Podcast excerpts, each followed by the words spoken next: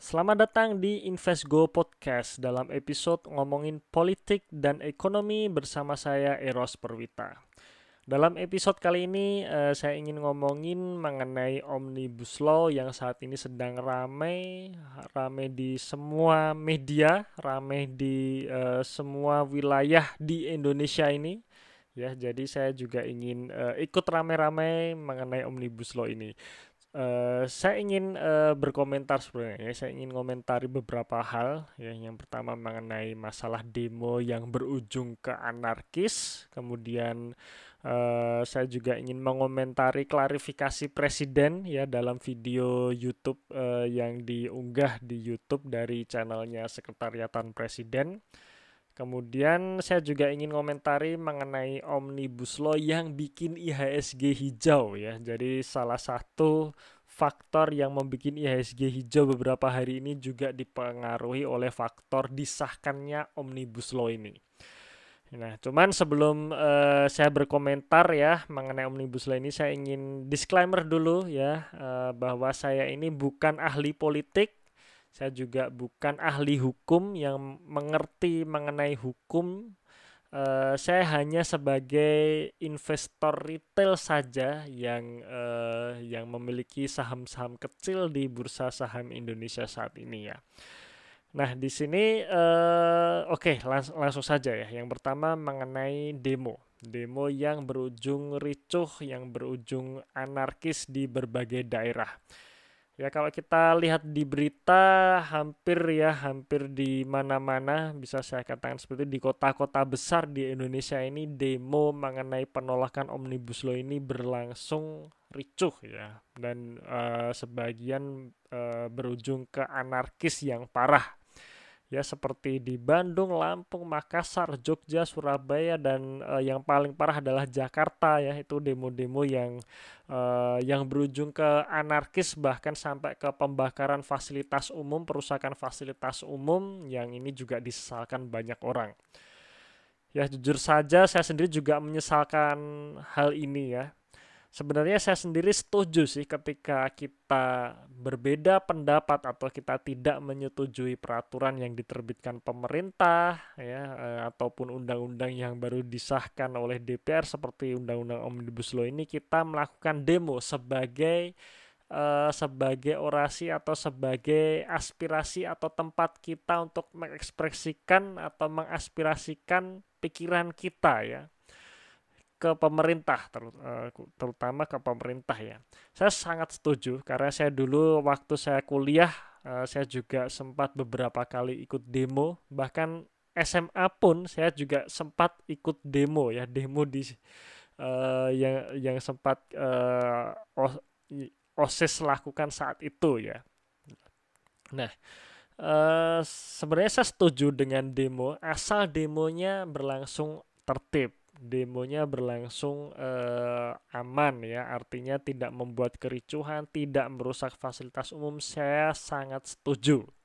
Tapi yang saya tidak setuju ketika demo tersebut berujung anarkis apa pun itu alasannya saya sangat tidak setuju. Kebetulan saya orang Jogja saya tinggal di Jogja ya. Uh, saya saya ingin mengomentari demo yang di Jogja kemarin. Jadi demonya berlangsung hari Kamis ya saat itu e, berpusat di Malioboro karena memang gedung DPRD-nya itu ada di e, sepanjang e, ada di kawasan Malioboro dan akhirnya karena ricuh anarkis sampai membakar salah satu restoran yang ada di kawasan Malioboro tersebut. Nah, coba teman-teman bayangkan ya misalkan nih kita kita katalah kita uh, salah satu masa di dalam demo tersebut. Kita merasa tertindas kita merasa hak kita sebagai pekerja dikurangi atau berkurang gara-gara disahkannya omnibus law tersebut. Kemudian kita marah kita bakar restoran tersebut. Apa yang terjadi? Pernah nggak kita mikir kalau restoran tersebut tuh juga ada karyawannya loh yang kerja di situ yang di mana karyawannya tadi bisa jadi adalah seorang kepala rumah tangga yang harus menafkahi anak istrinya berarti ketika kita membakar restoran tersebut berarti kita membuat orang-orang yang bekerja di restoran tersebut menganggur alias kita berhasil mencetak pengangguran baru dengan membakar restoran tersebut. Ya. Terus kalau kita uh, kalau seperti itu dan kita berteriak memperjuangkan hak rakyat, ya rakyat yang mana gitu kan? Apakah rakyat yang kalian sudah bikin menjadi pengangguran ya? Rakyat yang kita sudah membuat menjadi pengangguran Padahal kalau uh, kita lihat ya atau uh, di hari padahal di hari sebelum demo tersebut Jogja sedang merayakan hari ulang tahun kota Jogja. Ya, di mana tempat-tempat tersebut pasti dihias ya, pasti dipercantik supaya kelihatan bagus supaya wisatawan datang lagi. Kita tahu ya kondisi sekarang masih sulit khususnya di Jogja karena Jogja dan juga Bali ini kan dua kota yang hidupnya ini sangat tergantung dari wisatawan. Ketika terjadi pembakaran seperti itu, ya wisatawan pasti takut datang ke Jogja. Saya sendiri punya tetangga ya beberapa tetangga saya itu berjualan di daerah Malioboro tersebut. Akhirnya harus menutup dagangannya karena takut. Takut dijarah ya. Takut eh, takut terluka juga akhirnya tutup. Dan akhirnya ya semuanya tetangga saya juga mengeluh zaman sudah susah cari duit susah terus sekarang ada kejadian seperti itu makin tambah susah gitu. Nah itulah yang terjadi gitu. Jadi uh, please buat kita semua yang berdemo jagalah ketertiban, jagalah keamanan. Kita lakukan prosedur yang benar itu ketika kita tidak setuju dengan e, peraturan yang diterbitkan pemerintah atau undang-undang yang telah disahkan oleh DPR ya jalur yang harus kita tempuh ya menggugat ke MK itu. Ya kita lakukan itu saja tidak perlu membakar fasilitas umum ya. Ini saya sangat menyesalkan hal hal itu ya. Dan ini yang juga menarik buat saya dan saya sangat uh, saya sangat bangga sebagai orang Jogja. Jadi setelah setelah uh, kejadian uh, hari Kamis kemarin ya setelah kejadian bakar membakar ataupun kerusuhan di uh, daerah sekitar Malioboro tersebut malam harinya langsung ada selebaran untuk mengundang para warga yang mau menjadi relawan untuk bersih-bersih di kawasan Malioboro. Itu sangat luar biasa menurut saya ya Uh, saya yakin orang-orang yang membakar atau membuat kerusuhan di dal uh, di kawasan Malioboro tersebut itu bukan orang Jogja pasti uh, pastinya ya, tapi orang luar yang lagi pengen uh, buat kerusakan aja di Jogja. Dan kita sebagai warga Jogja, saya yakin kita tidak akan merusak kota kita sendiri gitu. Nah, akhirnya malam malam harinya uh, banyak relawan yang mau uh, atau um, meluangkan waktu untuk bersih-bersih di kawasan Malioboro dan saya sendiri sebagai warga Jogja juga bangga dan saya sangat mengucapkan banyak terima kasih pada para relawan yang uh, yang mau turun ya untuk uh, melakukan bersih-bersih di kawasan Malioboro tersebut ya. Ya, oke, itu mengenai demo. Jadi sekali lagi saya demo yang aman dan tertib saya sangat setuju dan saya dukung. Tetapi kalau demo yang berujung ke anarkis saya sangat menolak itu ya. Silahkan ditangkap saja itu orang-orang yang membuat kerusakan. Ya. Oke, kemudian eh, satu hari setelah demo yang berlangsung anarkis di berbagai daerah tersebut terjadi. Akhirnya Pak Presiden ya Pak Presiden Jokowi melalui channel YouTube-nya uh, ke Sekretariatan Negara, Sekretaris Negara uh, melakukan klarifikasi dalam keterangan pers yang uh, yang akhirnya di hari ini ya hari Jumat tanggal uh, sorry hari Sabtu tanggal 10 uh, Oktober 2020 video tersebut menjadi trending di YouTube ya.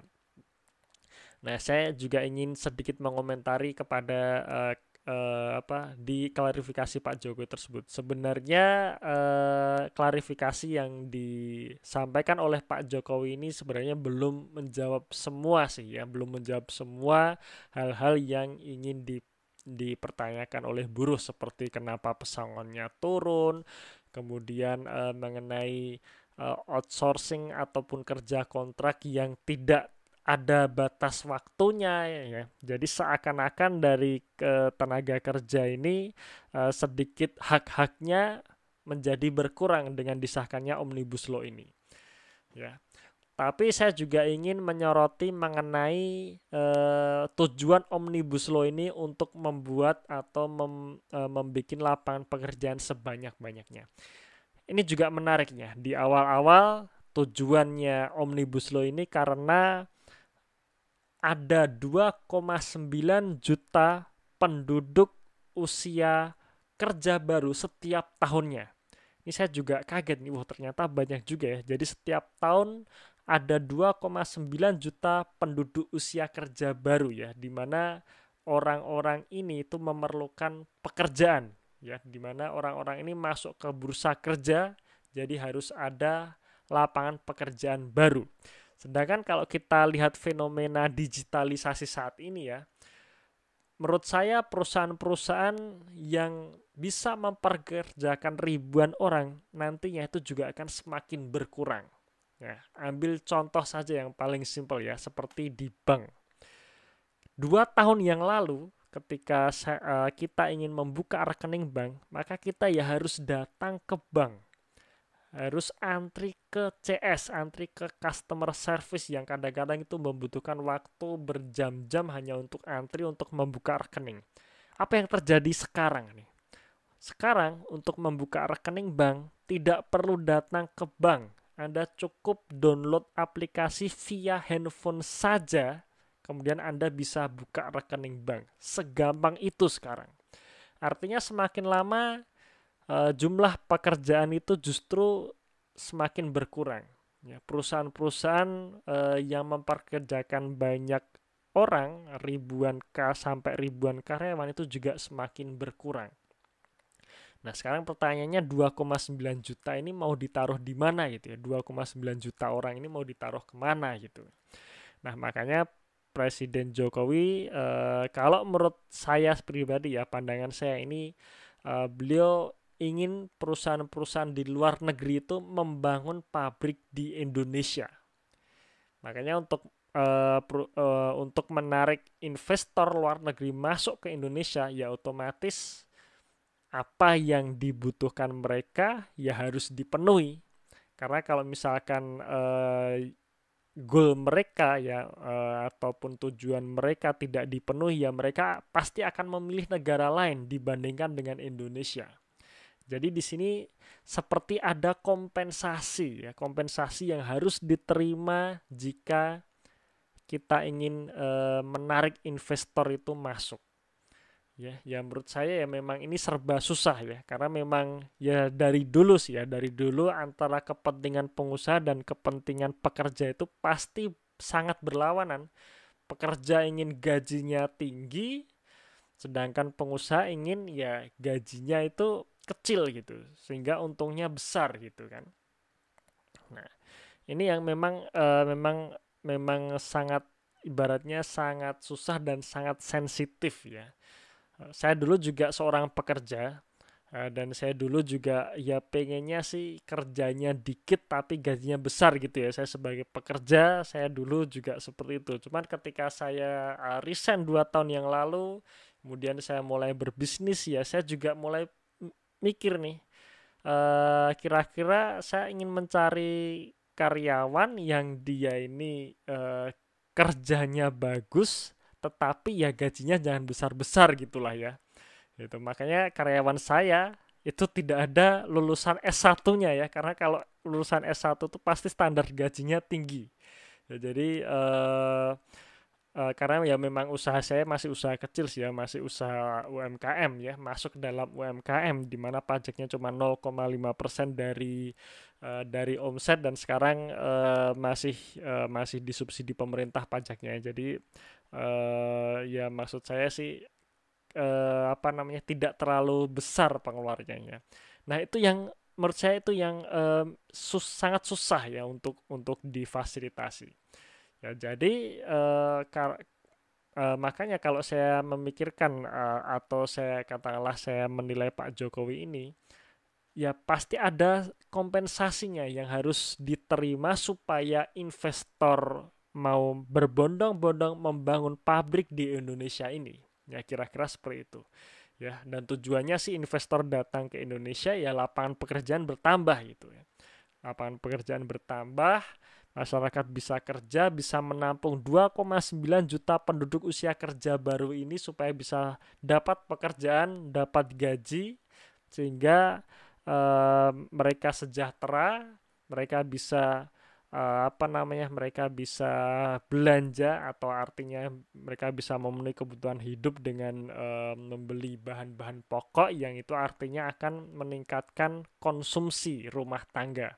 Karena kita tahu ya, pertumbuhan ekonomi kita paling besar itu didukung oleh konsumsi rumah tangga. Pertanyaannya bagaimana konsumsi rumah tangga ini bisa uh, bisa naik jika ya itu tadi orang-orang e, menganggur tidak punya pekerjaan ya pasti susah gitu nah makanya harapannya sih dengan adanya omnibus law ini investor asing e, investor dari luar negeri banyak yang masuk banyak yang membuka lapangan pekerjaan di Indonesia sehingga banyak e, atau tenaga kerja banyak terserap ada gaji di situ sehingga uh, konsumsi rumah tangga juga ikut naik. Jadi kalau saya pribadi ya sampai uh, saya pribadi sih saya mendukung uh, dengan adanya undang-undang omnibus law ini.